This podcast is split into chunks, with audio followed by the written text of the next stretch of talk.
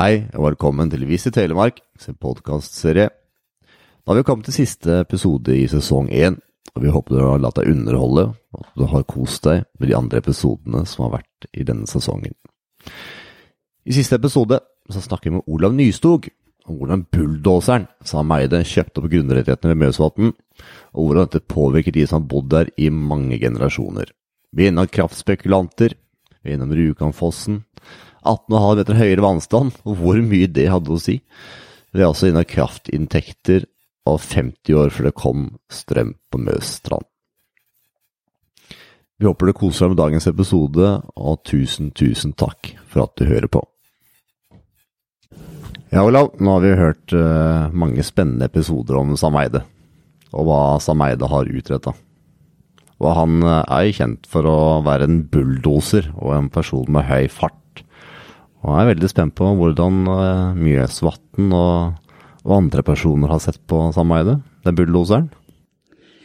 Ja, du vet, når en etter hvert fikk uh, overgangen ifra å tenke Mjøsvatn som uh, magasin for brukseierne nede i Skinsfjorden, altså fløtningsvann og driftsvann for trelastindustrien, og Sameide kom inn og så de enorme energimengdene for elektrisk produksjon, så fikk møstrendingene, altså de som bor rundt Møsvatn, føle at Sameide han for fram, han var dyktig, han har dyktige medhjelpere men Men Sameides navn ber nok eh, på Møstron preg av at han var en dyktig, hardhendt forhandler som kjøpte opp rettigheter under relativt eh, Det ble David mot Goliat. Møstrengangen var et enkelt eh, folkeferd, egentlig, da, et sjavbergingssamfunn.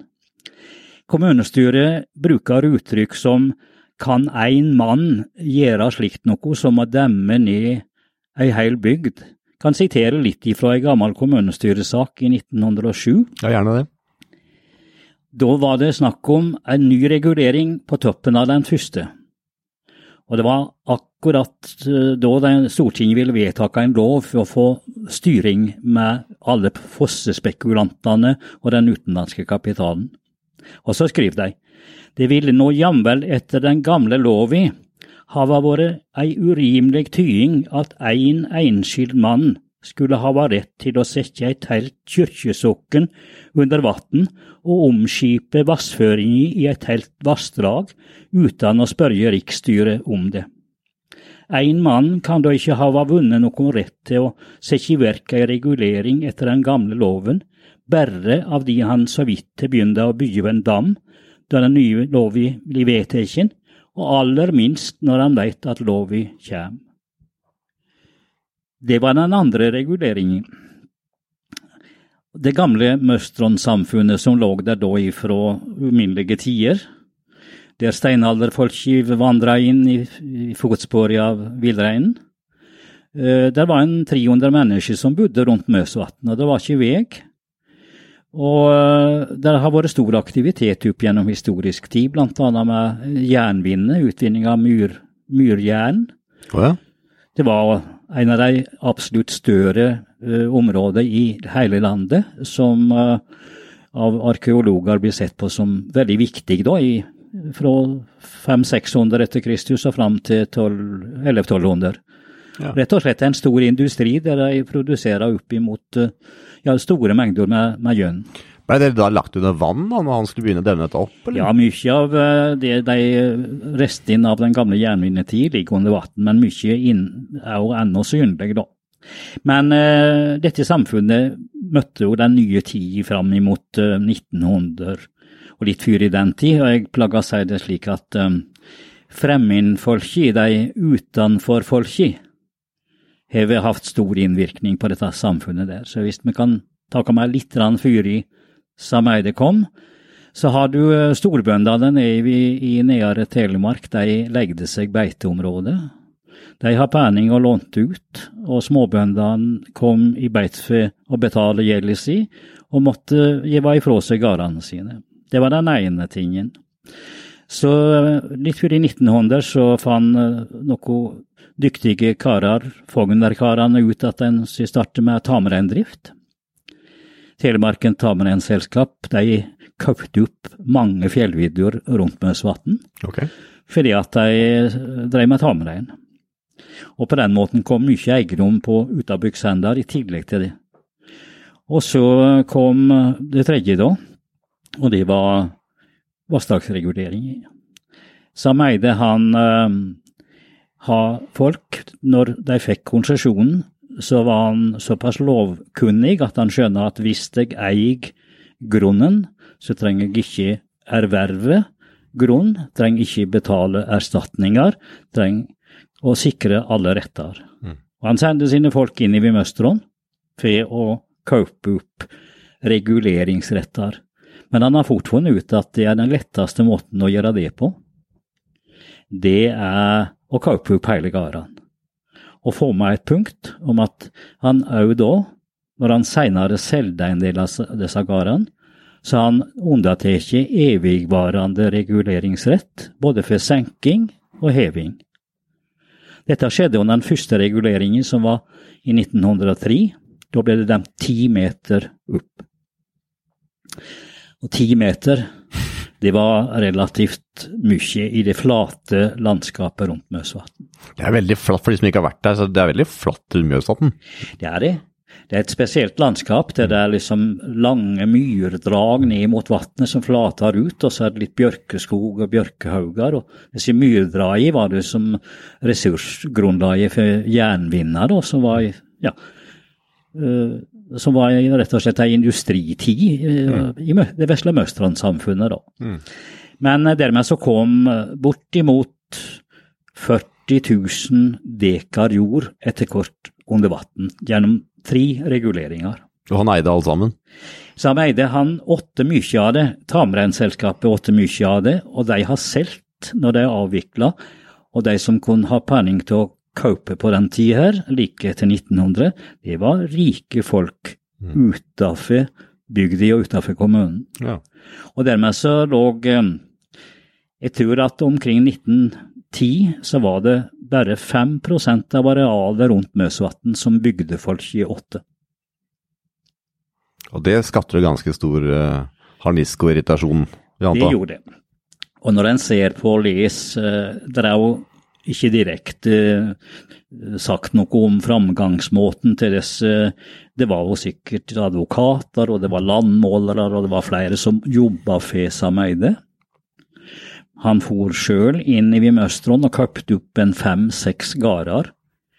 Ikke i sitt eget navn, men i navnet av en eiendom akkurat ved utfallet av Møsvatn, Frøystul. Å ja. Hva var grunnen til det? Ja, jeg tror nok det at han ville spreie risikoen litt. Han ville ikke gi inntrykk av at han personlig uh, kjøpte all den eiendommen, for myndighetene fulgte jo litt med. Men det var, det var ingen slags regulering på at utlendinger kunne jo kjøpe da i starten utlendinger kunne kjøpe grunn, og Ja. hvem som helst kunne kjøpe så mye grunn de yngste. Mm. Ja, smart mann, da. Han var en smart mann. Han kjente lovverket, og han jobba ut ifra at eh, hvis jeg jobber fort og raskt og gjennom flere kanaler og under flere selskap Nå kom AS Rjukanfoss etter hvert inn som kjøper av eiendommer, og etter hvert òg eh, kom Kveldstoffkompani og de ulike eh, organisasjonsformer som en fant da. Kommunen protesterer, og det mona ikke noe særlig. De har protestert sterkt mot tidligere vannkraftutbygginger når den ville regulere eh, Hjarta i Rauland, da, som er totak, som ligger midt i Rauland med den største delen av bebyggelsen rundt. Den protesten fører fram, og fører til at Møsvatn ble det neste alternativet i, i gamle Rauland kommune. da. Og De protesterer på nytt, og det hjelpte veldig lite. Konsesjonen ble nå gjeven til ti meter opp. Så mente han, eh, han eh, betala etter den tid ikke så verst. Og så var det det at de fikk lov til å bo der. De kunne bruke fjellet som de har gjort før omtrent, og de kunne fiske, og de kunne drive sitt gardsbruk. Men så var det det med gardsbruk, da, fordi at mye av den dyrka jorda og åkrene deres og beitelandet, de lå på de flate markene ned med det gamle vannet, og kom under vann. Ble ødelagte. Og det var ingenting på de to første reguleringene, som tilsa at um, du sier få erstatning for eller ny jord. Uh, det var et lovverk som var bare så vidt at det ble gitt erstatninger, og mm. de erstatningene gikk selvsagt til grunneierne, og det var stort sett utenbygdseiere. Mm. En episode helt inn i enden av Møsvatn. Det er jo et fire mil langt vann. Eh, der bodde det to gamle karer som åtte en eiendom på en 90 000 mål, og de åtte eh, kven, nedre delen av Kvenna, denne store tilførselsåa til Møsvatn, med fossestryk og fall. Og sameides folk kom inn i vi og ville sikre seg eh, både garden og fallrettene i Kvenna. Og da forteller jeg det at um, disse gamle på Argov var vel ikke så veldig oppdatert på hva som skjedde, men naboen han var iallfall inntil de fire disse oppkjøperne kom, og sa at de må ikke finne på å selge eiendommen deres. Og når Sameide folk kom der, så svarer de at ja, skal vi selge så vi med anten hava 100 000 heller en million, men forresten så kan fossen renne som en har vunnet like godt. Så de selgde ikke, men Sameide fikk nå en forkjøpsrett, da, som ble skrevet ned eh, og tinglyst, der han da, hvis eierne likevel fant ut at de ønsket å selge gården sin, så sier han han var førsteretten. Men eh, Argårdførsen fikk en ikke kjøpe, og den er jo senere freda. Så eh, mange møstrendinger så nok på disse oppkjøperne og fossespekulantene som eh, folk med, med, med, penning og folk med, med ja, litt hardhendt forhandlingsframferd, kanskje. Sommestad var de veldig godt fornøyde. Arestad ble det eh, så å si lusebetaling. Men det endra seg litt da etter hvert som tida gikk. De to første reguleringene i 1903 på 10 meter, og den som kom i 1907 på nye 2,5 meter opp og 2 meter uh, senking av vannet òg, da den var òg omstridt, for den setter seg Meide i gang når han skjønner at Stortinget ville vedtake en lov som ville sette helt andre krav til regulering av vassdrag, konsesjonslovene. Da en før den som sanksjoneres i Stortinget, så begynte Sameides folk å bygge på den første dammen i Mjøsvatn. Og tanken og meningen var at det som var begynt på før loven ble sanksjonert, ingen lov kunne gis tilbakevirkende kraft. Dette reagerer kommunen veldig sterkt på, og eh, enden på visa ble at ut ifra kommunens protester så måtte den reguleringen opp i Stortinget, men han fikk godkjent å bygge på dammen så han fikk nye 2,5 meter opp og tappe to meter. Så um, framgangsmåten var å relativt utspekulere der òg, da. Hva var årsaken til at Mjøsvatn var så viktig for sameidet, da? Ja, Mjøsvatn har jo vært vasskjelda til den store turistmagneten fyret i 1900, Rjukanfossen. Uh, Rjukanfossen var jo en, en, turistmagnet der både inn- og utlendinger kom reisende til. Og i sin velde om våren var Rjukanfossen et mektig, mektig skue. Og det er klart at 1500-1600 kvadratkilometer av Hardangervidda er nedslagsfeltet til, til Møssvatn. Ja. 1500 millioner kubikkmeter vann renner gjennom Møssvatn hvert år omtrent, i gjennomsnitt. Og hvis en klarer å samle opp dette her, og Sameide visste da, i 1902-1903, at skal vi satse på industriproduksjon av kunstgjødsel, så trenger vi enorme energimengder mm. for å frigjøre nitrogenen fra lufta. De finner vi i Møsvatn, og vi kan plassere stasjonen bare noen titalls kilometer lengre unna, og ha et fall på over 900 meter helt ned til Skiensfjorden og Grenda. Så energimengda i Møsvatn den var enorm med den reguleringen som kom da. Det var bare Aswan-dammen i Egypt som på den tid var større magasin i energi enn Møsvatn ble. Så hvis det hadde aldri vært noe kunstgjødsel, så sant ikke Mjøsvatn hadde ligget sånn som det ligger? Nei, det, da tror jeg at uh, det nok blir regulert til, til alminnelig elforbruk, men ikke så tidlig som, som dette her skjedde. da. Mm. Så uh, det var industrireising av Sameide som uh, gjorde at Møsvatn kom så fort under vann. Og når en sier at 40 000 dekar jord ligger tørrlagt når vannet er helt nedtappa, det er en 6000 store fotballbaner. Nå var det litt utmark, men òg mye verdifull mark for de som levde av jordbruket inne ved Rontnøsvatn. Så eh, det var, en, det var en, en veldig god omstilling for mesterlendingene, mm. dette her. Både å møte det enorme trykket som ble på deres eierinteresser, samtidig som de da møtte vannet. Som SoMe har kanskje tenkt ja ja, ti meter og så stiger de fra stranda og stige ti meter inn i land. Ja, det er nå ikke så farlig, det kommer nå bare hit.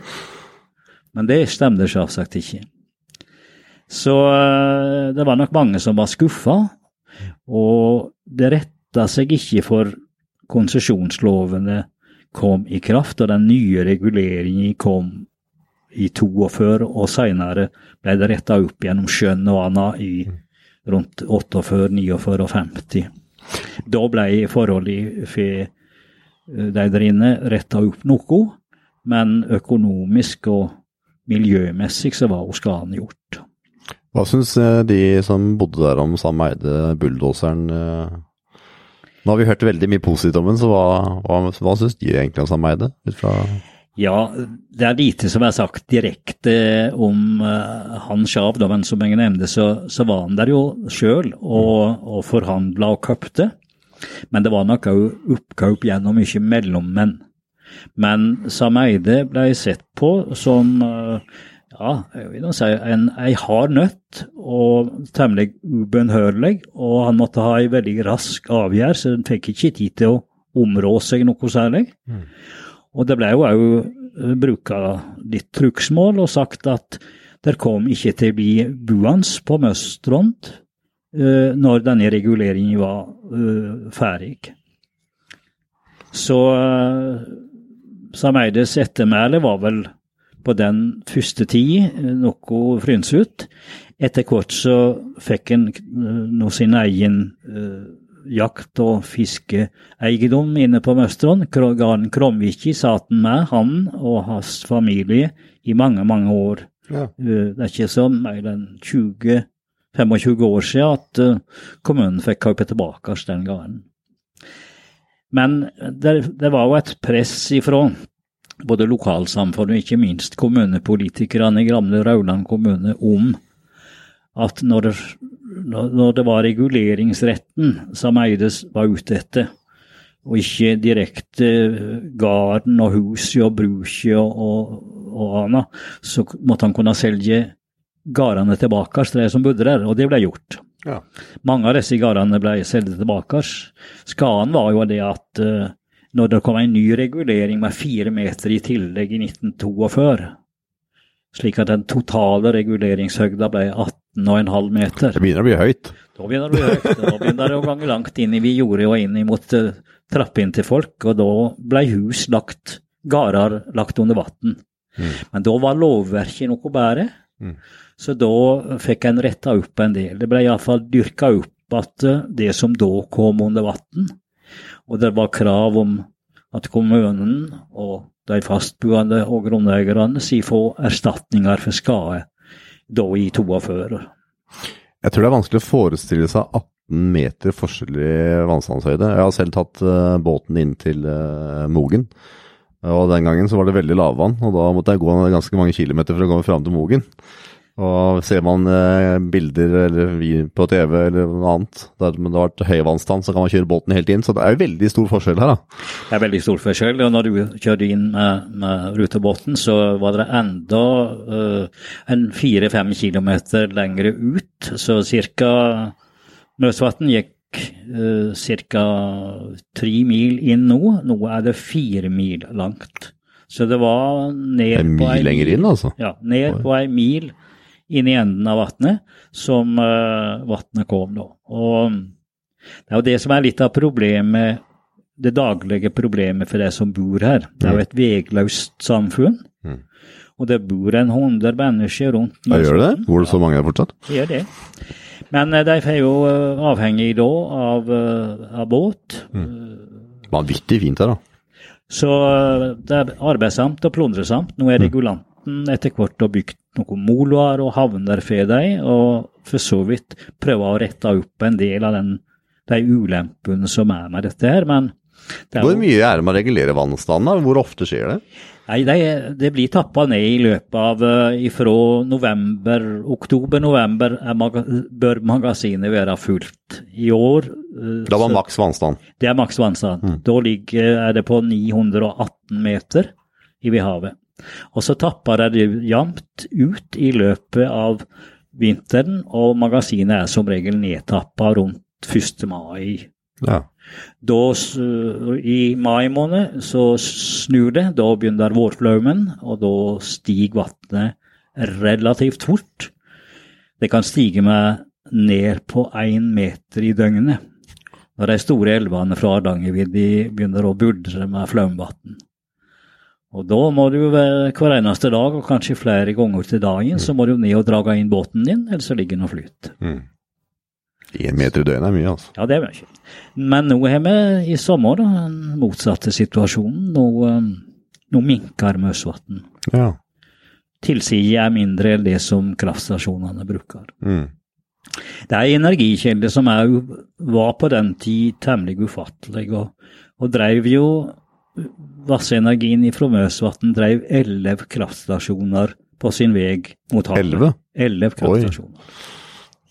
Det begynte med kraftstasjonen Fraustaula, som ligger bare en kilometer ned for Møsvatn. Og så videre ned i Vemork og Såheim og ut i hele Vestfjorddalen her. Og videre Notodden og ned mot eh, Skien og vassdraget der. Utrolig mye kraft der av vann. Utrolig hvor mye kraft som eh, Ja, vann klarer på kraft. IV, langt IV 2000 GWh, det er jo ikke noe tall i og for seg, da, men uh, magasinet i Møsvatn er på IV, IV 1 milliard kubikkmeter vann når magasinet er fullt. Klarer man å sette over i husstander hvor mange husstander det gir strøm i løpet av et år, eller?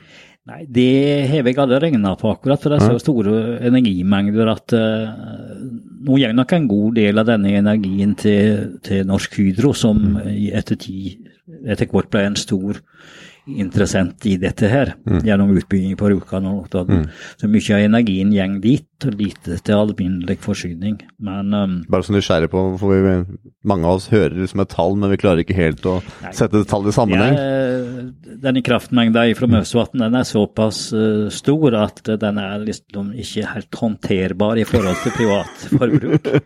Nei, så For å sette det tallet litt i perspektiv, det er noe vi kan sammenligne med, eller? Ja, eh, det, det tror jeg ikke er så veldig godt å sammen, sammenligne. Iallfall klarer ikke jeg å finne noe direkte sammenligning, for det er, det er såpass store, store energimengder. Det er jo snakk om altså gitt 2000 gigawatt-timer energi, og i dag så bruker en den energien på en litt annen måte. Tidligere så kjørte en slik jevnt hele året igjennom, og Møsvatn minka litt etter litt etter litt etter litt. Og det har øh, ikke minst øh, betydning for fiskeri. Den er kraftige reguleringen ødelegger jo mye av næringsfisket som har vært viktig for de som bodde på Møstron. Men nå det kom nye, nye måter å bruke et slikt energimagasin på, og det er det de kaller effektkjøring. da. De kjører effekten ut når det er gode priser, og når uh, situasjonen i Europa tilsier at uh, en skal produsere her i landet. Og dermed så blir manøvrering av Møsvatn litt i rykk og napp nedover, og det har, mener en, litt andre konsekvenser for fiskeriet det har tidligere. Det må vel uh, ha veldig mye å si for fisken, vel? For det, vel, det blir jo veldig mye strømninger i vannet? Ja, og så blir Det er klart at gyting foregår, iallfall for Aurestad foregår i elver og bekker, men mm. hovedfisken i Møsvatn etter regulering har blitt røye. Og den gyter ute i vannet på ca. åtte-ti ja, meters dyp. Ja. Og når uh, gyteplassene blir tørrlagt i løpet av våren, mm. så varierer fiskeriet veldig. Nå har regulanten blitt pålagt å, å endre på, på regulering litt, og òg sette ut fisk og andre tiltak, da. Mm. Vi har den seneste konsesjonen, altså tillatelsen til den siste oppdemningen.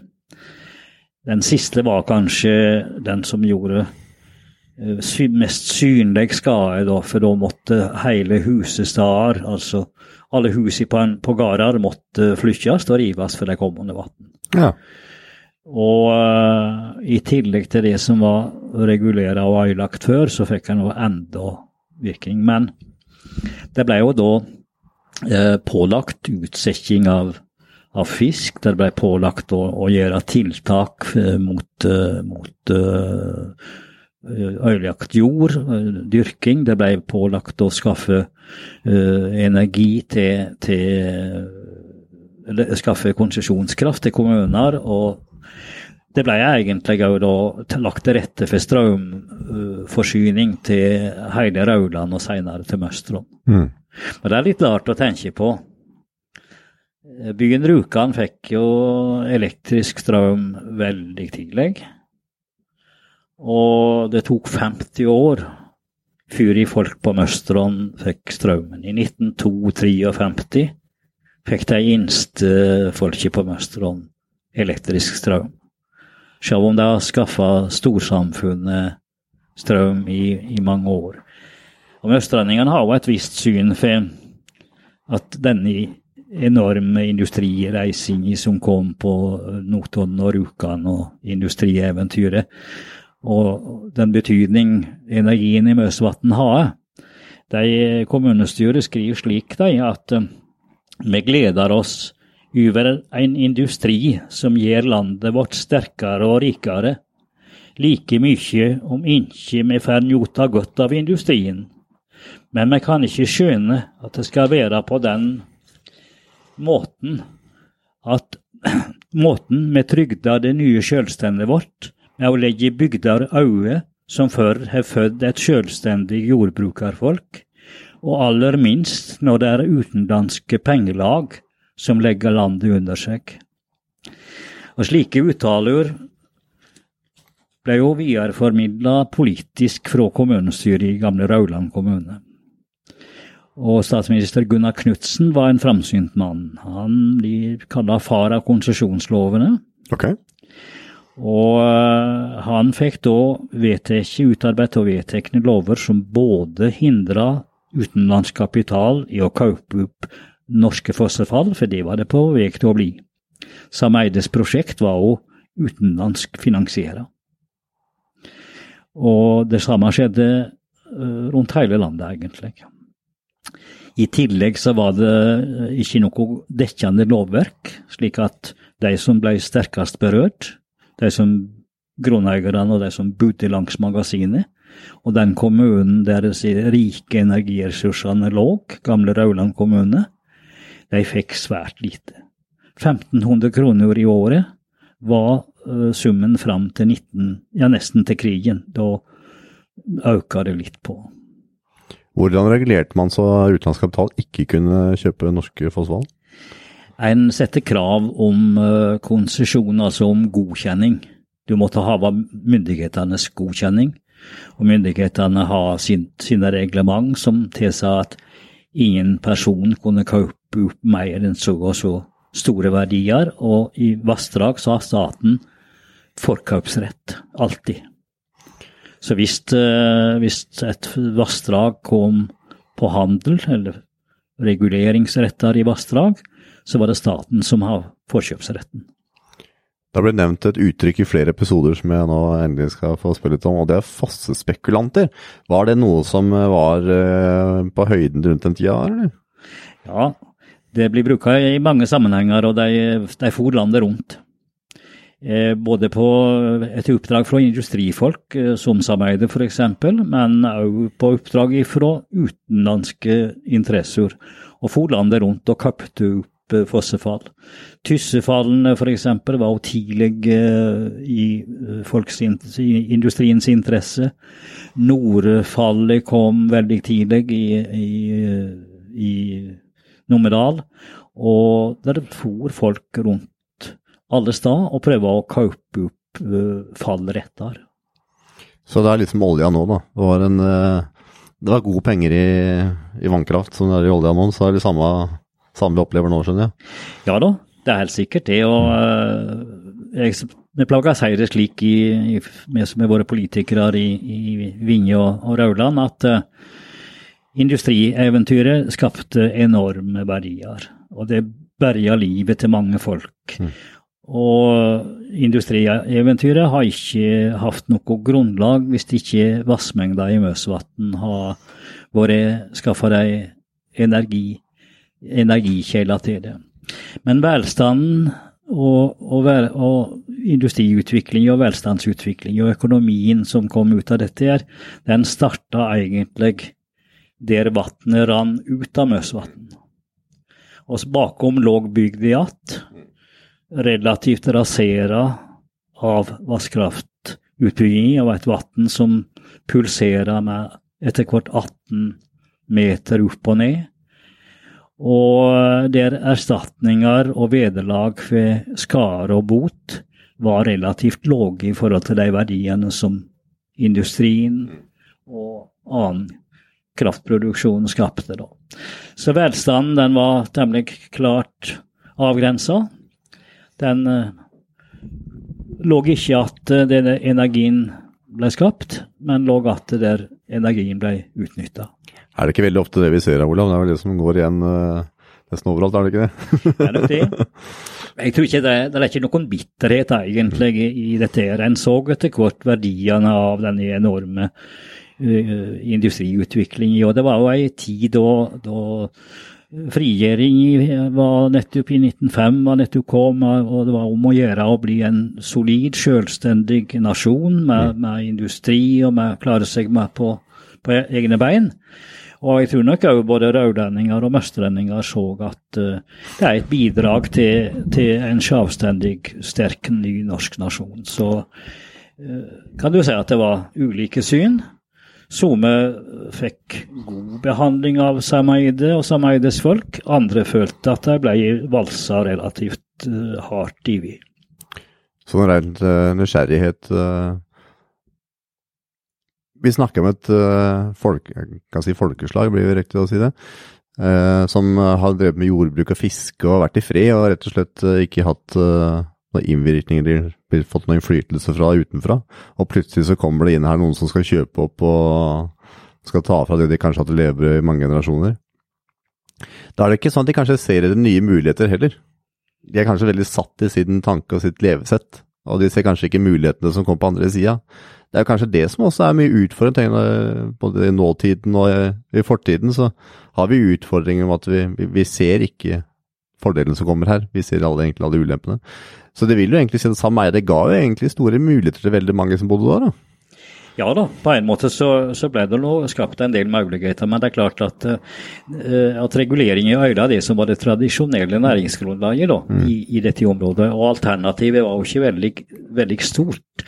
I og med at det òg var vegløst, mm. så var jo vannet deres reisevei. Og mm. vannet ble da manipulert på en slik måte at reiseveien ble problematisk, mer problematisk enn den har vært før. Mm. Og en, eh, en, kan jo si at alternativ uh, var ikke så veldig mange Eh, turismen auka på litt etter hvert da, inn mot når fjellvandrerne kom. Når fossen var borte, så mm. trekte turistene videre vi. Men et gjennomregulert, tørt, stygt landskap var ikke så mye å på den tid mye å, å reklamere for i den sammenheng. Så du kan si at sjølbergingssamfunnet på Møstron uh, fygde nok med og drog litt nytte av den industriutviklingen som var på Rjukan, i og med at folk her det ble et enormt folketallsauke her nede, og de søkte inn i Vimøsvatn i sin fritid. Men uh, men Forsto man at eh, det Sameide var ute etter når han kjøpte opp, var å regulere Mjøsvatnet, eller forsto man det? Ja, det forsto en etter hvert. Ja, Man forsto det ikke med en gang, eller? Nei, ikke til å begynne med. Og så var det det at mye av, en god del har vært kjøpt opp av tamreinselskap tidligere, slik at det var utenbygdseiere som åtte. Eh, snaut 15 av de første erstatningene som kom altså omkring 1910, da hadde det vært to reguleringer. Snaut 15% av de vel 50 000 som samla erstatninger var for hele reguleringen på den tid. Snaut 15% kom til bygdefolk som bodde rundt, rundt vannet. Og disse penningene, de kaupesummene som de fikk, da, penningene de fikk, de Det var ikke så mye å investere penning i, ikke så mye å bygge ut. På, jeg kan jo nevne at en ting som fangst har vært en veldig viktig inntekt i dette samfunnet. Eh, ett år uh, stendig lese til en som mest som må kalle en, en grossist i oppkjøp av, av rupe. Ett år formidla han mellom 10 og 11 000 ruper som ble kjøpt opp rundt Møsvatn og på Rauland, og formidla videresalg av. Og det var det gode priser på. Fiskeri var svært viktig, og så lider de stort sett av det de produserer seg av. Så du kan si at fiskeri ble ska, veldig skadegjørende. Jakta var jo den samme, bortsett ifra at utenlandske og utabygdsjegere, så var rypejakta den statusjakta. Så det var ikke alle som fikk lov til å drive rypefangst. For de eierne som bodde kanskje i Oslo eller mm. Trondheim eller hvor de bodde, de ville ha den om høsten. Ja. Så det var mange ting som gjorde at næringsgrunnlaget for østlendingene ble veikere, mye veikere. Det, det jeg egentlig satt og tenkte på, grunnen til at jeg tok det opp, er Jeg tenker at en historie kan man lære veldig mye av. og Derfor syns jeg det også er veldig interessant å ha de samtalene, for man kan lære veldig mye av historie. Og en historie har jo ofte en tendens til å gjenta seg også. Og det er litt derfor jeg er litt inne på sporet her. For tanken min jeg sa det at det finnes mange muligheter når ting kommer, så er det ofte at vi er ikke så veldig Ofte har vi ikke kunnskap om endringer som kommer, og så er vi ofte ikke Vi er redd for endring. Vi mennesker vi liker ikke, liker ikke endring. Og det som jeg tenker på i den sammenhengen her, så Hvis bygdesamfunnet Og det her er mye visst, for dette er jo historie, så jeg nå bare spør jeg for å leke litt tanken. Hvis bygdesamfunnet hadde stått sammen og fortsatt eid grunnen og fått prosenter av reguleringa av det som er tatt ut, så ville man jo tjent penger på krafta og det som er tatt av vann, framfor det de tradisjonelt hadde drevet med. Men var det rett og slett mangel på kunnskap og at de ikke visste hva sameide dreiv med når uh, dette forekom, eller? De tror jeg kanskje at, uh, at, det ikke var, fordi at det, eh, gamle dokumenter fra, fra Rauland kommune viser nok at, uh, at Eh, en så eh, at her lå det til rette for at samfunnet kunne hente ut store verdier. Men dessverre så skjedde dette så tidlig, eh, altså allerede i 1902, den første, og før i den tid ble noe planlagt og grunnlagt, at en har ikke noe sentralt lovverk til å regulere det på en skikkelig måte. Og kanskje ikke noe utdanning heller, for de som både Nei, slettes ikke. Nei. Men etter hvert som lovverket kom, så må en jo si at kraftinntektene er av enorm betydning mm. for, Vinje Vinge kommune. Eh, ikke bare på at de blir regulert på skikkelig måte, og ytingene fra, fra regulantene blir større i form av både uh, tildela kraftmengde, konsesjonskraft og næringsfond, konsesjonsavgifter og andre ting. Så er jo òg uh, det andre store vassdraget som Vinje Rauland og Vinje skaffer energi fra, det og det vestre Telemarksvassdraget med den store tokkeutbyggingen som kom på 50-tallet. Så kraftinntektene det er kjerneinntekt i, i Vinje i dag. Og likeens i Tinn er vesentlige inntekter, og Notodden det samme, men særlig Tinn og Vinje kanskje. Og når lovverket gav grunnlag og en skjønner etter hvert at her Eh, er det muligheter, så er det å finne i vignetten et relativt stort næringsfond. For den reguleringen som kom i, i 1942, den var også tvilsom. Hydro har litt frynsete forhold til nazistyresmaktene. Det kommer fram. Og kommunen tålte ikke, ville ikke, var òg nazidominerende under krigen i kommunestyret. Og protestene mot den firemeters toppreguleringer som kom da, de var heller, heller svake. Men eh, etter hvert så fikk han jo òg da tildela nye ting. Og den konsesjonen den varte i 60 år, fra 42 til 2002. Og det tok ti år før vi i Vinje kommune ble enige med regulantene om, og med, eh, med Olje- og energidepartementet om hva slags vilkår som sier gjelder for den. Men vi fikk ikke behandla de to første reguleringene da, som lå tilbake, for de var jevne uavgrensa i tid.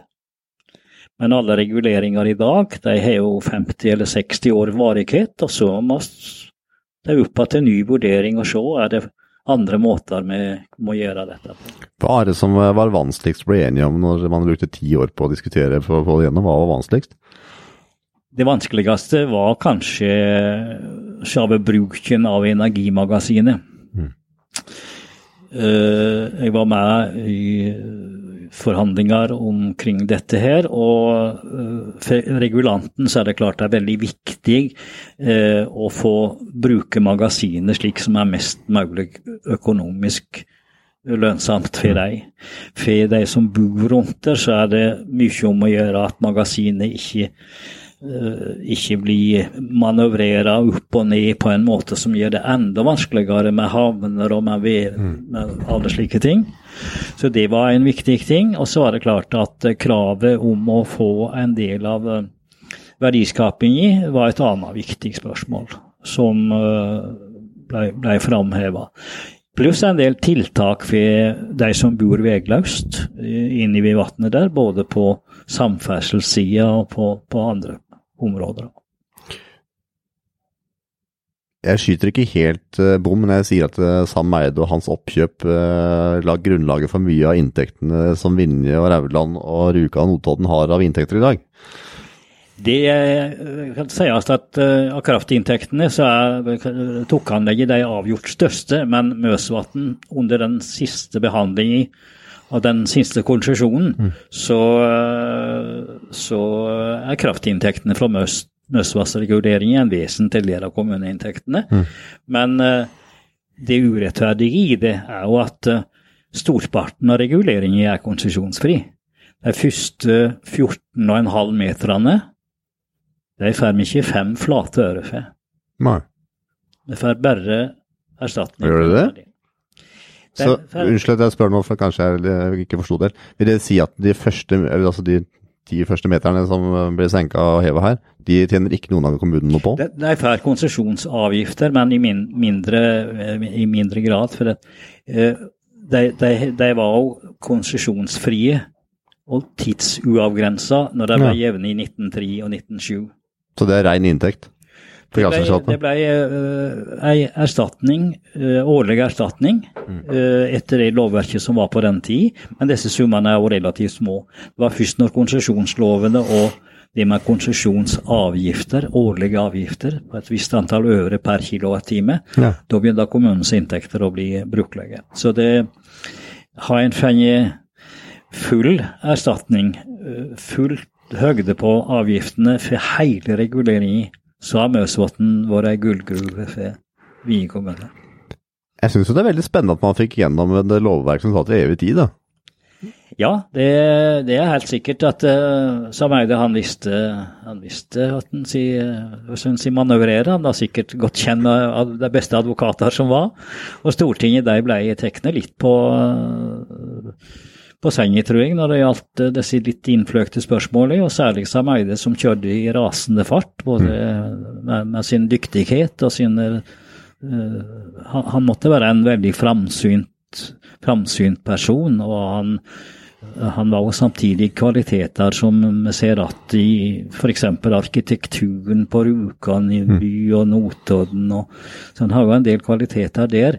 Men jeg tror ikke han så uh, verdien av det som skjedde rundt Møsvatn fullt ut. Sjavoman han, så det på sin egen gard Kromviki. Altså, der måtte hus flyttes mm. under den seneste reguleringen i 42, men da var hun som veide litt ut av bildet. Du nevnte Gunnar Knutsen her litt i stad. Du sa at han var en framsynt mann. Hadde han eh, et eh, godt samarbeid med Sameide, eller er det Det vil jeg tro. Mm. Uh, at, at, kontakten der var rimelig, rimelig grei. Og Gunnar Knutsen så jo tidlig at uh, det måtte et omfattende lovverk til for å regulere uh, vannkraftutbygging her i landet, og, og industri, uh, altså industriens bruk av vannkraft. Men det tok tid da, vet du, å, å få gjennomslag, politisk gjennomslag for det. For det var relativt uh, klare og inngripende lovverk som tidligere har gitt uh, finansfolk og investorer stor frihet til å kaupe opp og til å, å investere og, og, uh, i vannkraft og som nå ble pålagt temmelig strenge bestemmelser og kunne bli nekta å, å, å bygge ut, f.eks. hvis staten ikke ønsket det. Drev Gunnar Knutsen med rederi den gangen òg, eller? Ja, han var nok en av de som, uh, som var aktiv industri, industrimann, mm. uh, samtidig som han var aktiv politiker og en, en dykt, dyktig politiker, ja.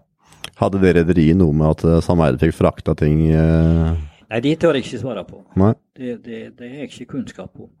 Jeg var rent, rent nysgjerrig først på sporet hvordan ja. Eh, om de to hadde et samarbeid i, den, i, den, perioden. Hvis vi drar oss litt tilbake igjen til Mjøsvatn, er det noe jeg ikke har spurt deg om, Olav, som du syns er viktig å få med? Vi har vært inne på de aller, aller fleste ting. Da kan jo si at um, etter hvert så har både lovverk og regulanter og, og kommunene og innbyggerne uh, sett at uh, en kan ikke bare bare la dette regulere magasinet uh, som, som, pulserer med enorm vassmengde hvert eneste år, for, mm. For arbeidet uavgrensa og uhindra. Så regulantene har jo blitt pålagt en, en god del tiltak uh, ja. for å, å, bøte på skader. Men en kan jo si at mye, mye kulturhistorie, arkeologi og, og, og ANA uh, var jo ikke påakta så tidlig som de første reguleringene. Det er først i det seinere at en har eh, prøver å ta vare på det som ligger igjen av den biten der. Mm. Og eh, Møstron-samfunnet har jo eh, utvikla seg til uh, i dag, og det er fortsatt et vegløst samfunn, men det bor noen hundre mennesker rundt vannet der. Og, mange, det. Uh, mye tilreisende folk, særlig på mm. sommerstid. Det begynner å bli en god del hytteutbygging, slik at uh, reiseliv og transport er en viktig inntektskjelle. Så kan jeg jo spørre om um, De årlige erstatningene i dag er jo ikke det er jo ikke småpenning lenger, som det var fram til 19, ja, 19 50 omtrent, da det ble indeksregulert òg. Så det er jo rimelig eh, Det er nå noe tusen i tilleggsinntekt, men ulempen er det jo. Så um, er det jo viktig, tror jeg, å minne om når en uh, kommer ifra, ifra Vinje, en gammel kommunepolitiker i, i Vinje, at um, Møstron og Møstronsamfunnet har en sentral rolle i forholdet til tungtvannsaksjonen og det som skjedde militært. Alle, alle, all fyribuing av uh, det som skjedde her på Vemork. Det skjedde jo oppå Hardangervidda.